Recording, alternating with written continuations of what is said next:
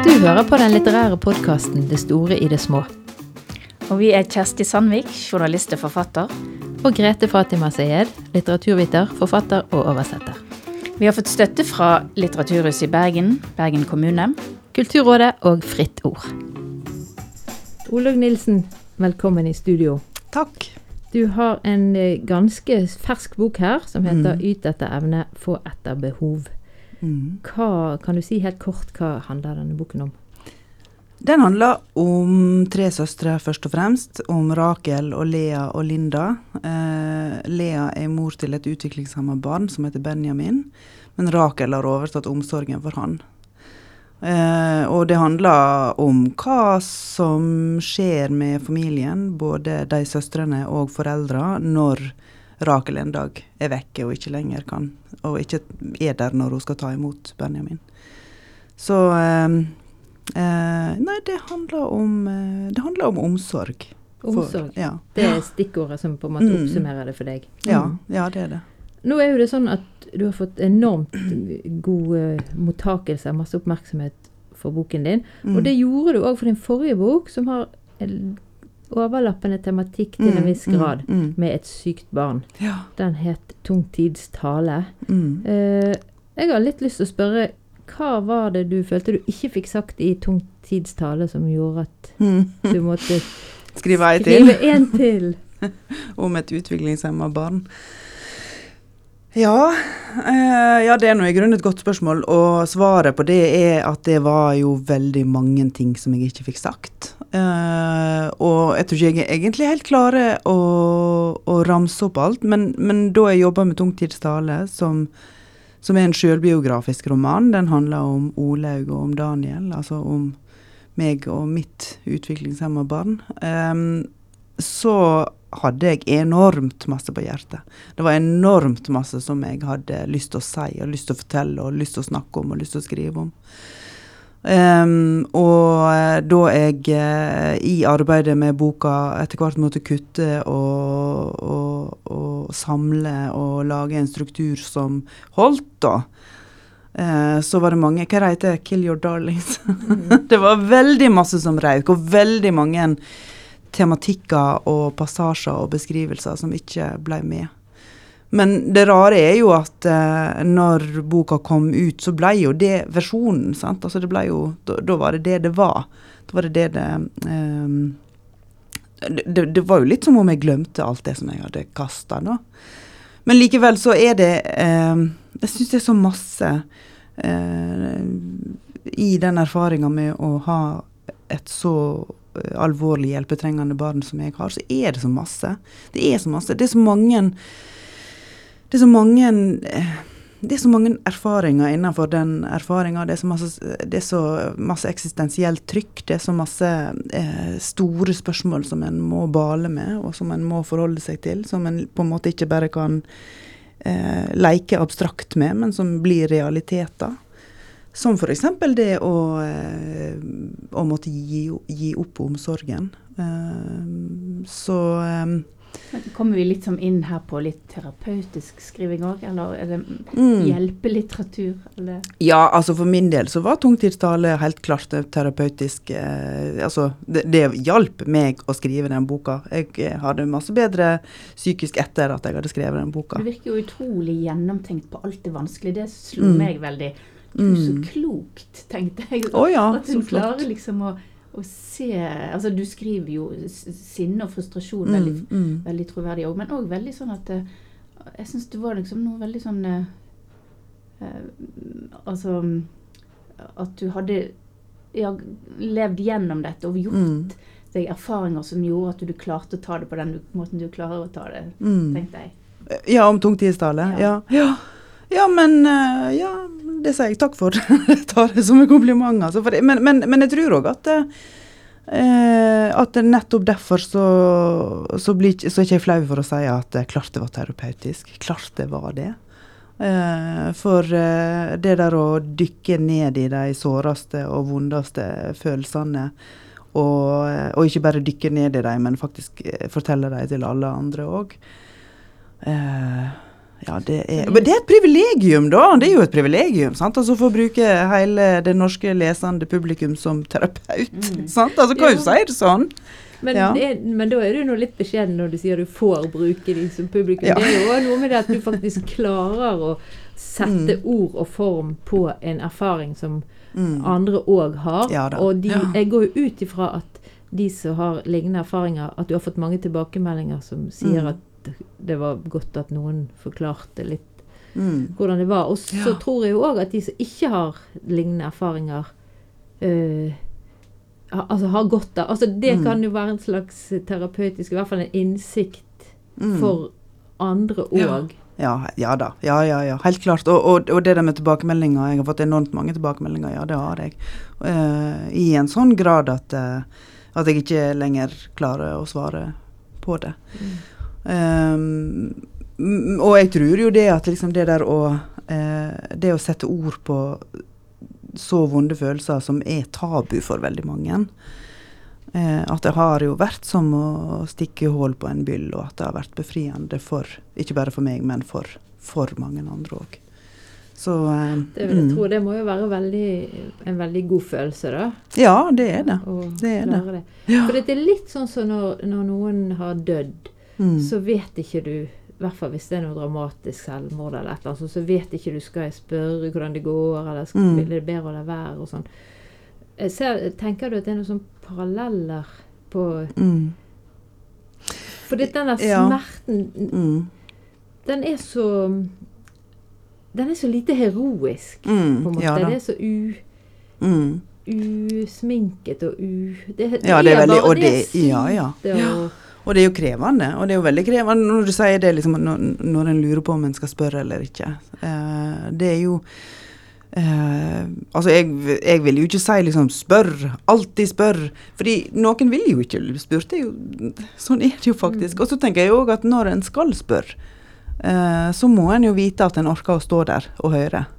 En må liksom tåle at noen revner rett foran ansiktet på en uh, når en spør om hvordan det går etter at noe fryktelig har skjedd. Ehm, og eh, at det koster for den som spør, å ta imot det. Men uh, ja, altså jeg skal ikke si ikke spør heller. altså Det vil jeg jo absolutt ikke si. altså Jeg vil jo heller spørre enn å la være. Men, men, uh, men det å vite at en uh, en er sterk nok til å ta imot, Mm. det tror jeg er viktig. Ja. Mm. Ja, for det er så lett å henfalle til floskler, og det er jo det Mm. du ikke gjør, vil jeg si. Mm. Fordi mm. at eh, floskler er så hjelpeløst språk. Mm. alle, hvis du står ansikt til ansikt med en person, og så sier du noe, så bare hører du at åh, herregud. Dette. Ja, ja. ja. Men mens du i, i tungtidstale, er, den er jo mer sånn rå, og Mm. der er det veldig sånn repetitivt og veldig sånn mens den siste yt etter evne, få etter behov, er, er jo bygd opp på en helt annen måte med mange personer. ja. Mange flere personer, så alle får sin Mm. stemme. Og så syns jeg òg det må være lov å si at du er ganske god på komikk. Ah, Er takk skal du ha. Du tar Mm. det er sånn på kornet Mm. i, i eh, Mm. Har du liksom veid de to tingene opp mot hverandre? Mm, altså det som eh, eh, Med den nye boka så var det viktig for meg å fjerne meg helt fra meg sjøl. Altså det var viktig for meg å skape en større avstand og liksom ha et, eh, en annen eh, ja, Både en annen form, en annen tone og i det hele tatt. Altså at, at det, der å være så vid åpen som jeg var med tungtidstale, det orka jeg ikke engang til. Altså, ja, så enkelt kan jeg ikke si det. Altså, Mm. litt, Hvorfor ble det en roman og ikke en sakprosabok? Ja, eh, det var eh, Ja, ja det- altså, det, dette var jo noe som jeg diskuterte ganske masse. Eh, ikke, ja, ut ja, da den kom ut, og før den kom ut. eh, hvordan vi skulle lande. Altså, grunnen, Hovedgrunnen da, da jeg bestemte meg, var jo det at jeg syns at, eh, at jeg syns at eh, eh, jeg laug for mye. Sant, altså. At det, var, at det var for masse eh, det var Særlig da at jeg skulle liksom lage den overordna strukturen den, altså for å få det til å henge sammen, sånn som eh, altså som ei bok som var lett å lese, da. Eh, som jeg òg er veldig opptatt av. Det skal ikke være liksom for eh, krevende struktur. Eh, for, for, for, jeg var opptatt av da Tungtidsale skulle komme ut, at den skulle kunne leses av andre pårørende. For jeg kjenner mange pårørende, og det er ikke alle som er interessert i litteratur. Det er ikke alle som har gått på mm. litteraturvitenskap, liksom. Altså, ja. Um, uh, og for å liksom få det til å henge sammen på en eh, måte som, eh, som glei lett. Så begynte jeg å lyge litt og bytte om på ting. Og så var det òg det der å beskytte eh, Altså én ting var jo Daniel. Eh, men òg å beskytte andre personer som jeg skriver om. Da, altså folk i helsevesenet som eh, Altså som eh, ja, som jeg følte jeg utleverte, da. Men altså, med å understreke romanformen, så, så understreker jeg òg at det er min versjon, da. Sant? Altså at det er ikke Mm. Uh, for jeg har ikke tilgang til Daniels versjon. Uh, mm. og, uh, og, jeg lar ikke helsepersonellet slippe til. Altså jeg, mm. jeg, stenger dem ute. Og hvis jeg hadde kalt det sakprosa, så hadde jeg jo på en måte ja, vært det hadde vært mer urettferdig, da, mm. tenkte jeg. Men altså, dette mener jeg, dette tenker jeg jo kan diskuteres. Altså helt klart kan diskuteres. Det er ikke opplagt alltid kan, at en velger det ene eller det andre. Eh, og eh, det har jo vært en del sakprosabøker det siste tiåret som, som har ligget i grenselandet, og romaner som har ligget i grenselandet, og at det er liksom eh, jeg tenker mitt valg kan diskuteres, og andre sine valg kan diskuteres. Men det sier vel noe om at um, altså at de to sjangrene kan jo nærme seg hverandre, da. Men litt sånn at det du tok ut av tungtidstale ble til gitt et evne for et behov? Ja, nei, nei Jeg vil egentlig ikke Altså, jeg, jeg tror nok at Jeg begynte nok på nytt. Jeg begynte nok på, jeg begynte nok på nytt, altså. altså fordi, fordi um, uh, Det er ikke sånn at jeg liksom eh, jeg hadde samla opp en del ting som jeg altså Nå skal jeg skrive om det som jeg ikke fikk med i tungtidstall. Det er egentlig ikke sånn. For det er vel òg sånn at det kommer hele tida nye ting, nye problemstillinger. Og, og så lever jeg jo i i det her. å ha, altså jeg lever jo et liv sammen med et barn som er utviklingshemma. Det, det, det, er livet mitt. Uh, og det preger jo eh, erfaringene mine, og det preger refleksjonene mine. Så det er jo liksom stadig nye ting òg. Men, men, nå vil jeg altså nå var det det å konstruere en roman var viktig, altså. Det var mm. viktig at det skulle være At det er fiksjon, at det er uh, at det er bygd på andre byggesteiner enn meg sjøl og mitt eget liv. Enn Olaug og Daniel, da. Um, så, så, nå bruker jeg jo andre element. Altså uh, bruker Bibelen ganske aktivt og, og um, ja, det, hadde vi, det, det, har vi på blokken vår. Her. Det har dere på blokken, ja. ja. men det er bra. Det er spennende. Veldig ja. spennende ting. Ja, ja, ja. Og, og Navnet nå, men Linda er vel ikke et bibelsk navn? Nei, Linda er ikke et bibelsk navn. Og Linda, altså av de tre søstrene, Rakel, Lea og Linda, så er Linda også en attpåklatt. Så eh, jeg tenker jo som så at da hadde det vært viktig for foreldrene med de første barna at de skal ha bibelske navn, men så på, med tredjemann så hadde de liksom bare glemt hele, hele prinsippet sitt. Og du har jo òg et bibelsk navn på din sønn. Eh, ja, Daniel er et ja. bibelsk navn. Ja, det er det. Daniel i løvehåla. Ja. Eh, men òg eh, er det et Jakob Sande-navn. Vesle Daniel skal ut i verden mm. og gjøre kista klar i denne stund. Mm.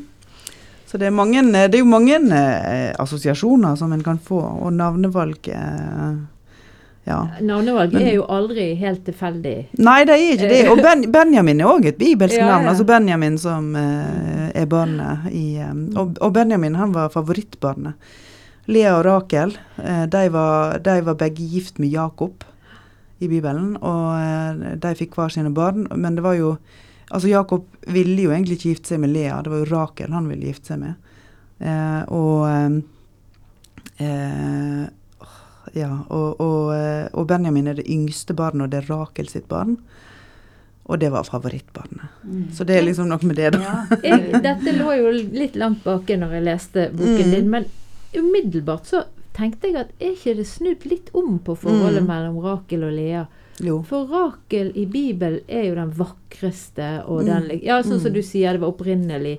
Det var hun ja. han ville gifte seg med, men mm. så var det vel faren som tok vel rett og slett og kledde ut Lea. Ja, sånn? sånn at han gikk i, til alter, satte på å si, og til sengs og alt, og plutselig ja. vips så var han gift med Lea istedenfor. Mm. Mm. Ja. Mens i Bibelen gikk jo det an å gifte seg med flere, så det var jo ikke ja, det var jo greit, galt. Så Men hvorfor har du gjort den der liksom Nei, altså eh, Nei, hvorfor har jeg det? Altså, det, det, det var hovedsakelig Altså, hoved...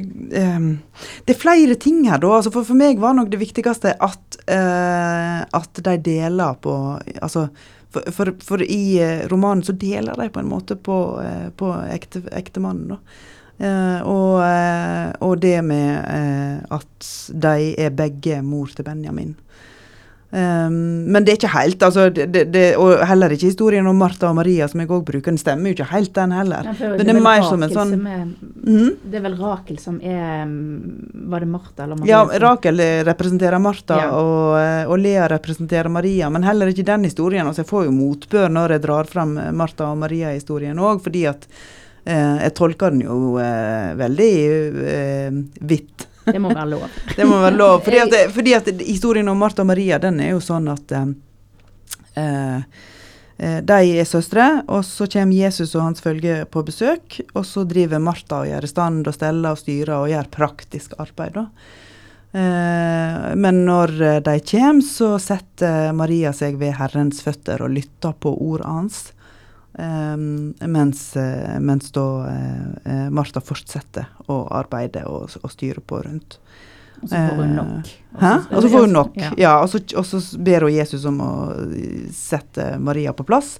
Men han setter derimot Martha på plass. Ja, det er han, litt urettferdig. Her, ja, det er urettferdig. Ja, jeg syns Jesus gjorde en litt sånn rar vurdering. Ja, jeg, den der bortkomne sønnen. Ja, Forstår jo veldig godt han sønnen som ble ble sur. Ja, for den bortkomne sønnen, eh, der er det jo sånn at eh, en far hadde to sønner. Og den ene er pliktoppfyllende og gjør alt som han skal, mens den bortkomne sønnen, han, eh, han bare reiser ut og fester og turer, og så, når han er blakk, så kommer han hjem igjen. Og da eh, vil jo den, pli, den, pliktoppfyllende sønnen at faren skal vise ham bort. Men nei da! Faren tar imot med åpne armer. Og vi skal slakte gjøkalven. Ja. Men har du sjøl eh, sånn bakgrunn fra gått på søndagsskolen og hele Ja, ja. det har jeg. Så jeg kjenner jo disse historiene. sant? Jeg kjenner de historiene. Men, men, men jeg tenker jo som så at det er jo ikke alle historiene som jeg bruker i boka som som er liksom helt perfekt treffende. Men det er litt mer sånn at jeg tenker at de, de utvider. sant? så at du kan på en måte, når du trekker deg inn og begynner å snakke om liksom, ja, det stemmer sånn passelig, det stemmer ikke helt, altså, så, så, så, kan en begynne å diskutere videre på bibelhistorien òg. Det, sånn, det, er sånn jeg egentlig tenker det. Jeg tenker at, uh, ja. Og så mm. syns jo jeg rett og slett det er et poeng at det er ikke Altså folk som er yngre enn oss, kjenner jo veldig veldig lite til de siste mm. Ja, ja. Så det er, det er, en av mine kjepphester at vi burde lese litt mer Bibelen og, ja, og settes mer inn i det. Jeg måtte ta med denne For jeg kom sånn på denne boken da jeg leste 'Yt etter evne, få etter behov', og den heter 'Lysglimt'. Det er onkel Arthur. Okay. og den har jeg så utrolig sterke barndomsminner fra, med disse tegningene og alt, og spesielt én som heter 'Hvem plukket blomstene?' Og da er det lille Else som ja. er så fæl med å lyge at moren vet ikke hva hun skal gjøre. Til slutt så straffer moren med henne og sier at nei, du kan ikke få kveldsmat i dag, for smøret vil ikke ut av kjøleskapet til en eh, pike som lyger. Ja, men kan jeg få litt melk? Nei, melken vil ikke ut av kjøleskapet. Og jeg bare husker så godt det der. Det gjorde ja, ja, sånn inntrykk på meg. Jeg turte aldri å lyge. Nei, nettopp. Men det er sånn der, for vi òg hadde Ikke den, ikke den der, men vi hadde ei bok med eksempelfortellinger. For det er vel det dette er òg, ikke mm. det? Det er flere eksempelfortellinger. Ja, ja, ja. Forferdelige greier, må jeg bare si også. Ja, ja, men, men den vi hadde òg, var jo egentlig helt forferdelig. Og, det var jo liksom sånn en som, en som får sparken fordi han stjeler én blyant fra blyantfabrikken. Fordi at eh, altså Han blir så frista til å ta den ene blyanten, og han gjør aldri noe annet galt. Men når sjefen oppdager at det mangler én blyant, så er det liksom rett på sak. Du får sparken, for du er uærlig. Ja. Så det var jo liksom sånn eh, men, men, mange Men jeg husker så mange av de historiene. Den, mm. den vi hadde etter 350 fortellinger for barn. Mm -hmm. Og det var Mia Hallesby som hadde skrevet den. Uh, og hun var Jeg er ikke helt sikker på om hun var gift med Ole Hallesby, hans helvetespredikanten. Mm. Eller om hun var søster eller datter eller noe sånt. Det er ikke helt sikker på. Men, men hun hadde i hvert fall noe med han, og, med han å gjøre. Og det der der Altså for, det er jo klart at med, når jeg skriver en roman og bruker disse her referansene, jeg kan ikke regne med at alle tar dem. Og jeg mm. måtte kjempe litt med forlaget for å, liksom, for å, eh, for å få lov å bruke alt sammen. Uh, men, uh, men, men, det er jo da Jeg skjønner jo jeg òg at hvis jeg vil at folk skal lese boka, så kan ikke jeg liksom basere hele historien på, uh, på de bibelske referansene. For at da, da, da er den jo uleselig for alle andre enn sånne som oss, da. Mm. Men, men, men, at jeg tenker at de, at de tilfører noe ekstra, da. Sant? Altså fordi, for de som kjenner dem, og så vil det liksom bli en ekstra gevinst. Uh, det var meg som ikke hadde Jeg skal bare slå av, jeg. Ja, men da kan jo jeg tørrpreike litt imens. Uh, fordi at jeg syns jo det er viktig, denne ekstra dimensjonen. Det er jo òg mm. viktig å oppdra leserne litt for at det skal gå an å lese eldre litteratur i det hele tatt. Mm. For det går mm. nesten ikke an å forstå mye av det 100 år gammel litteratur hvis du ikke har noenlunde snøring på, Nei, det sant. noen av de tingene. Nei. Men det var godt, da fikk vi satt det på plass. Men du, en annen ting som vi diskuterte på forhånd òg, du, ja, du, du, skriver jo om det å ha et sykt barn. Mm, mm. Eller sterkt handikappa barn. Men du skriver jo òg om mange andre tilstander. Sant? Det å, mm. å ikke fikse jobben lenger. Mm, mm. Og, og, falle utenfor. Og, og det, det, går jo litt på tittelen òg. Ja. Marx sitat. Ja, ja, altså jeg trodde at det var det, men eh, Og det, han har brukt det, men det har visst eh, opprinnelse enda lenger eh, tilbake igjen. Eh, og, eh, og, noen har funnet eh, altså at det òg kan være at det er en referanse til Bibelen, ja. det òg, faktisk. Mm. Men jeg var ikke Altså når jeg valgte tittelen, så tenkte jeg at det var et slags slagord for venstresida. At det er liksom og, og, eh, at eh, det har vært altså det, det, betegner jo egentlig velferdsstaten, da. Mm. Hva velferdsstaten er. Du skal mm. betale så masse skatt som du kan, og du skal få hjelp når du trenger det. sant? Altså, eh, og, men, men, du tenker sikkert på Lea. sant? Altså ja. For Lea, eh, Lea i romanen sitt 'Nåtidsplan' så ligger hun jo til sengs. Og eh, klarer ikke, er utmatta, klarer, klarer, ikke liksom å, å virke. Sant? Altså, mm. hun er for uh, uh, og, og, det der med kvinners sykemeldinger altså Jeg tror jo at Lea er en ganske typisk representant for kvinners uh, sykemelding. At, at det er ikke Ja, utbrenthet, og, og at en og at det ikke er så sympatisk. Da, altså, det er ikke så lett å, å akseptere den der slitenheten og sjølmedlidenheten og, og, uh, og tiltaks... Altså og, at hun ikke har tiltak. Sant? At hun mm. klarer ikke å komme seg opp. Og det er lett for andre som står rundt og tenker at ja, men å, bare gjør det. sant?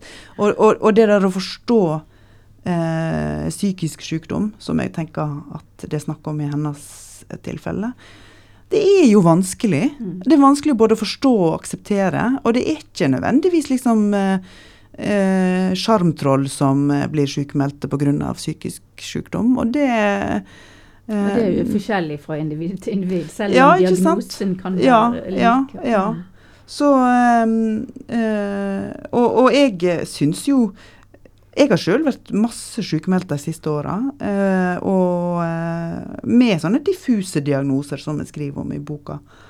Um, fordi det er jo ikke så lett å liksom helt konkret si hva det er. Sant? Altså det er jo når en blir sliten på den måten, når en ikke klarer mer. Uh, og, uh, og da, når jeg har de sykemeldingsperiodene, så syns jo jeg at når leger skal ut og diskutere kvinners sykemeldinger, og at eh, nå må vi skjerpe oss og og så, videre.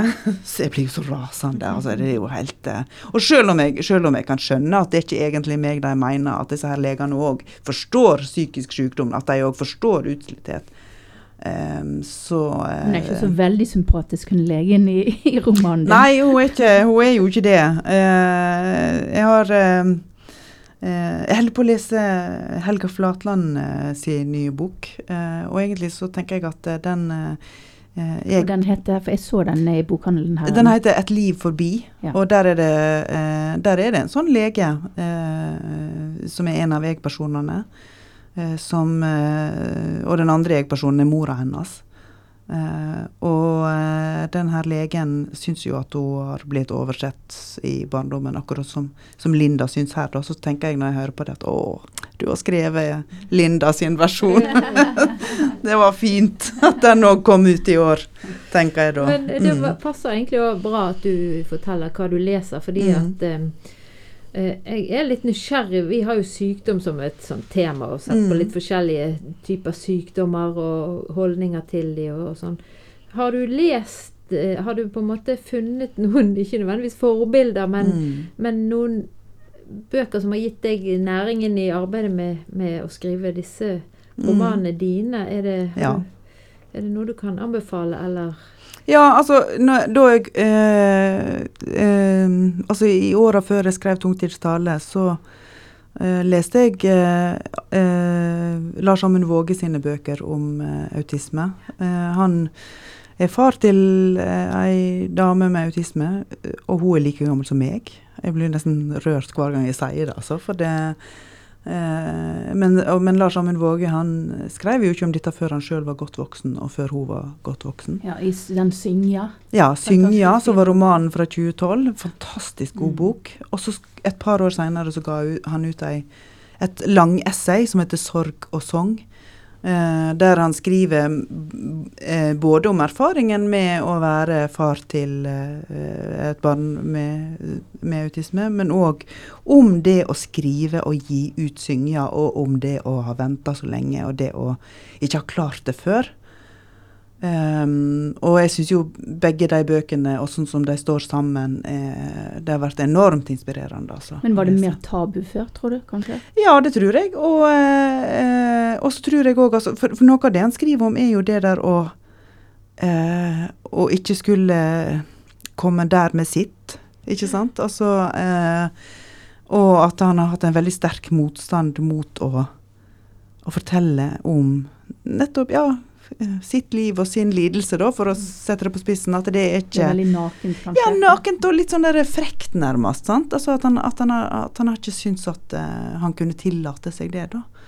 Uh, men så, når han likevel gjorde det, så, uh, så var jo han mer enn klar. sant? Altså Han hadde, han visste hva han skulle fortelle, og hvordan han skulle fortelle det. og for han har jo sagt at den synga kom jo fort, og altså den var liksom kom av seg sjøl, da, på en måte.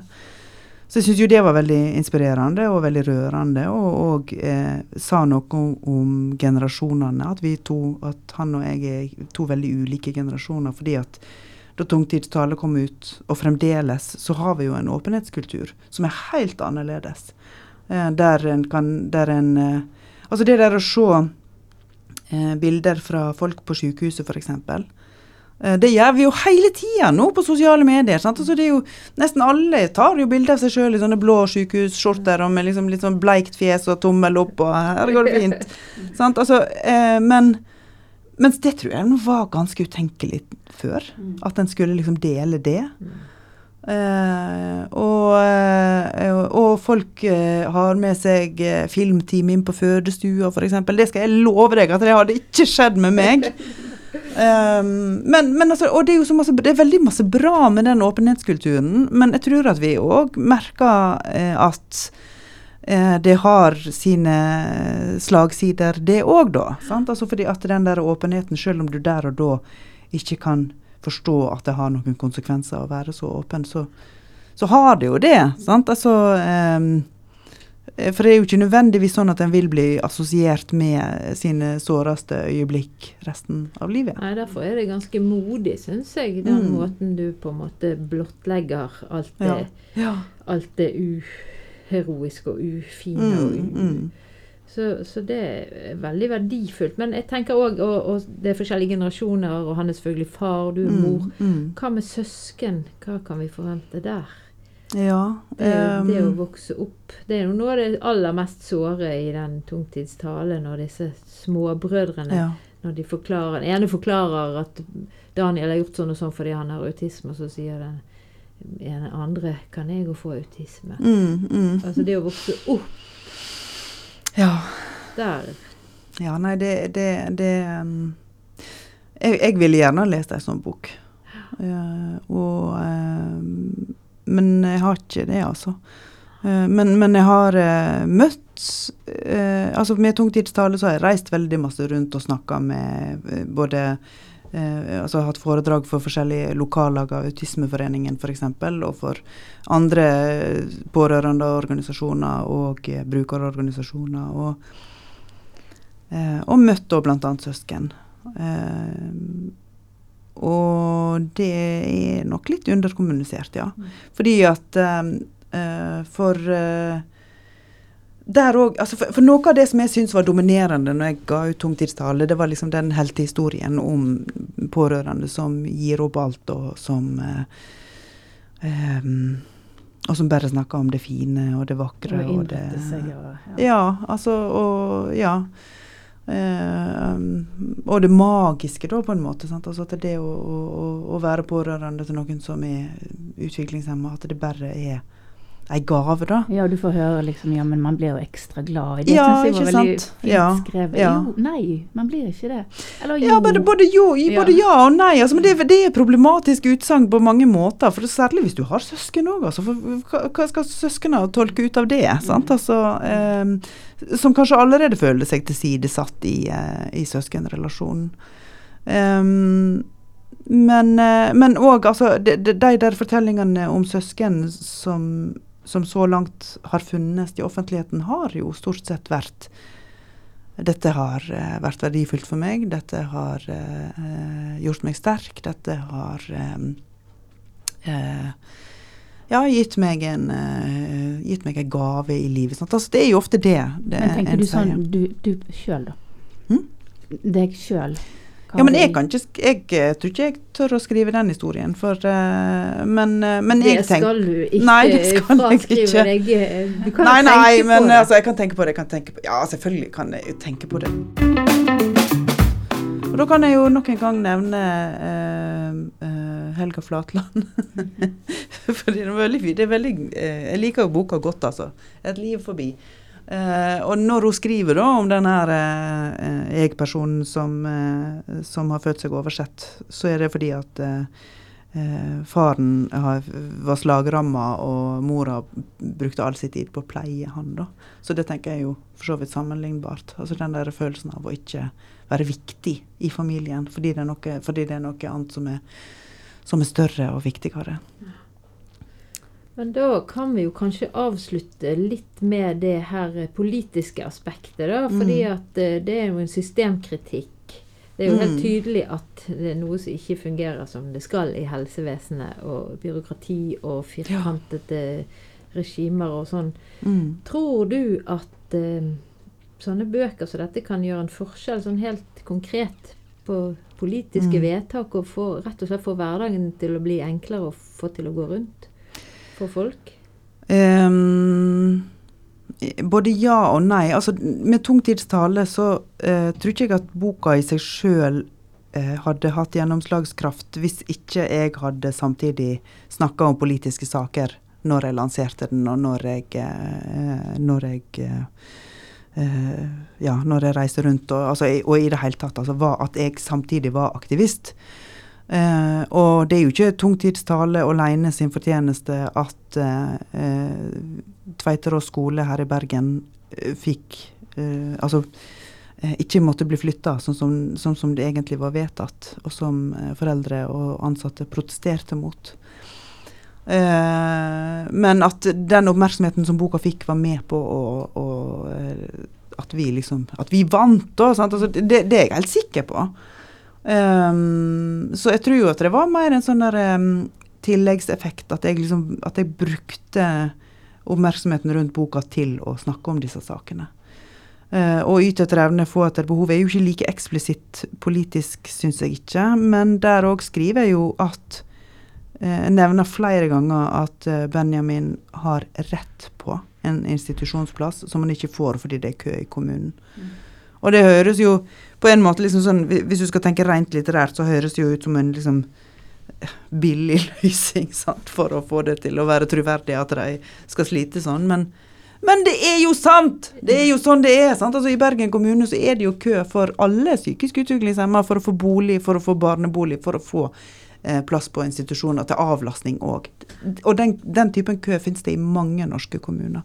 Så det er jo en helt, det er en helt eh, realistisk eh, situasjon eh, som er på en måte utgangspunktet for, eh, for boka si handling. da. Jeg syns jeg husker, stemmer det, i den boken så ville ikke du, holdt jeg på å si, mm. at han skulle bli, komme inn under kategorien handikappet? Mm, nei, psykisk, altså, i tungtidstale ja. så eh, Eh, så er fortellinga strukturert rundt det at eh, jeg, eller skråstrek Olaug, nekta å akseptere diagnosen psykisk utviklingshemming. Eh, og der uh, hjelpeapparatet vil sette diagnosen for å få fortgang i hjelpa. Mens uh, Olaug da protesterer og vil ikke ha den diagnosen fordi Daniel var så fremmelig når han var liten. Eh, så det er Og, og det er eh, Det er sant. Men det, ikke, det, skjedde. Jeg var veldig negativ til å sette den diagnosen på Daniel. Psykisk utviklingshemming. Um, men, det ikke, men det er nok litt Altså, jeg strukturerte det på den måten og brukte det som en eh, det, Gjorde dette en større sak i, bo, i, romanen enn det var i virkeligheten. Men det er sant at jeg ikke ville det, for jeg syns jo at det var utrolig vanskelig å akseptere. Mm. Mm, du tenkte at en dag så, så blir han seg sjøl igjen? En dag så uh, skal dere få se, mm. alle dere bedrevitende leger. Men altså, jeg tenker jo at tungtidstallet handler om å akseptere det. Sant? Altså ak mm. akseptere realiteten og alvorlighetsgraden. Uh, og uh, når jeg snakker om Daniel nå, så sier jeg oftere psykisk utviklingshemma enn aut en autist. Eller, altså, fordi, um, fordi jeg tror at fordi jeg forstår at flere forstår alvorlighetsgraden i psykisk utviklingshemming, og, og at autisme er mer det er, større, det, er et, altså det er, en større og bredere diagnose som kan bety ganske mange forskjellige ting, da. Mm. Så eh, eh, Olaug i eh, Den Olaug som sitter her, er ikke lenger den samme som den Olaug som opererer i tungtidstale. Sånn er det jo. Har nå hørt en episode av den litterære podkasten 'Det store i det små'. Og hvis du likte det du hørte, så følg oss gjerne på Facebook og Instagram.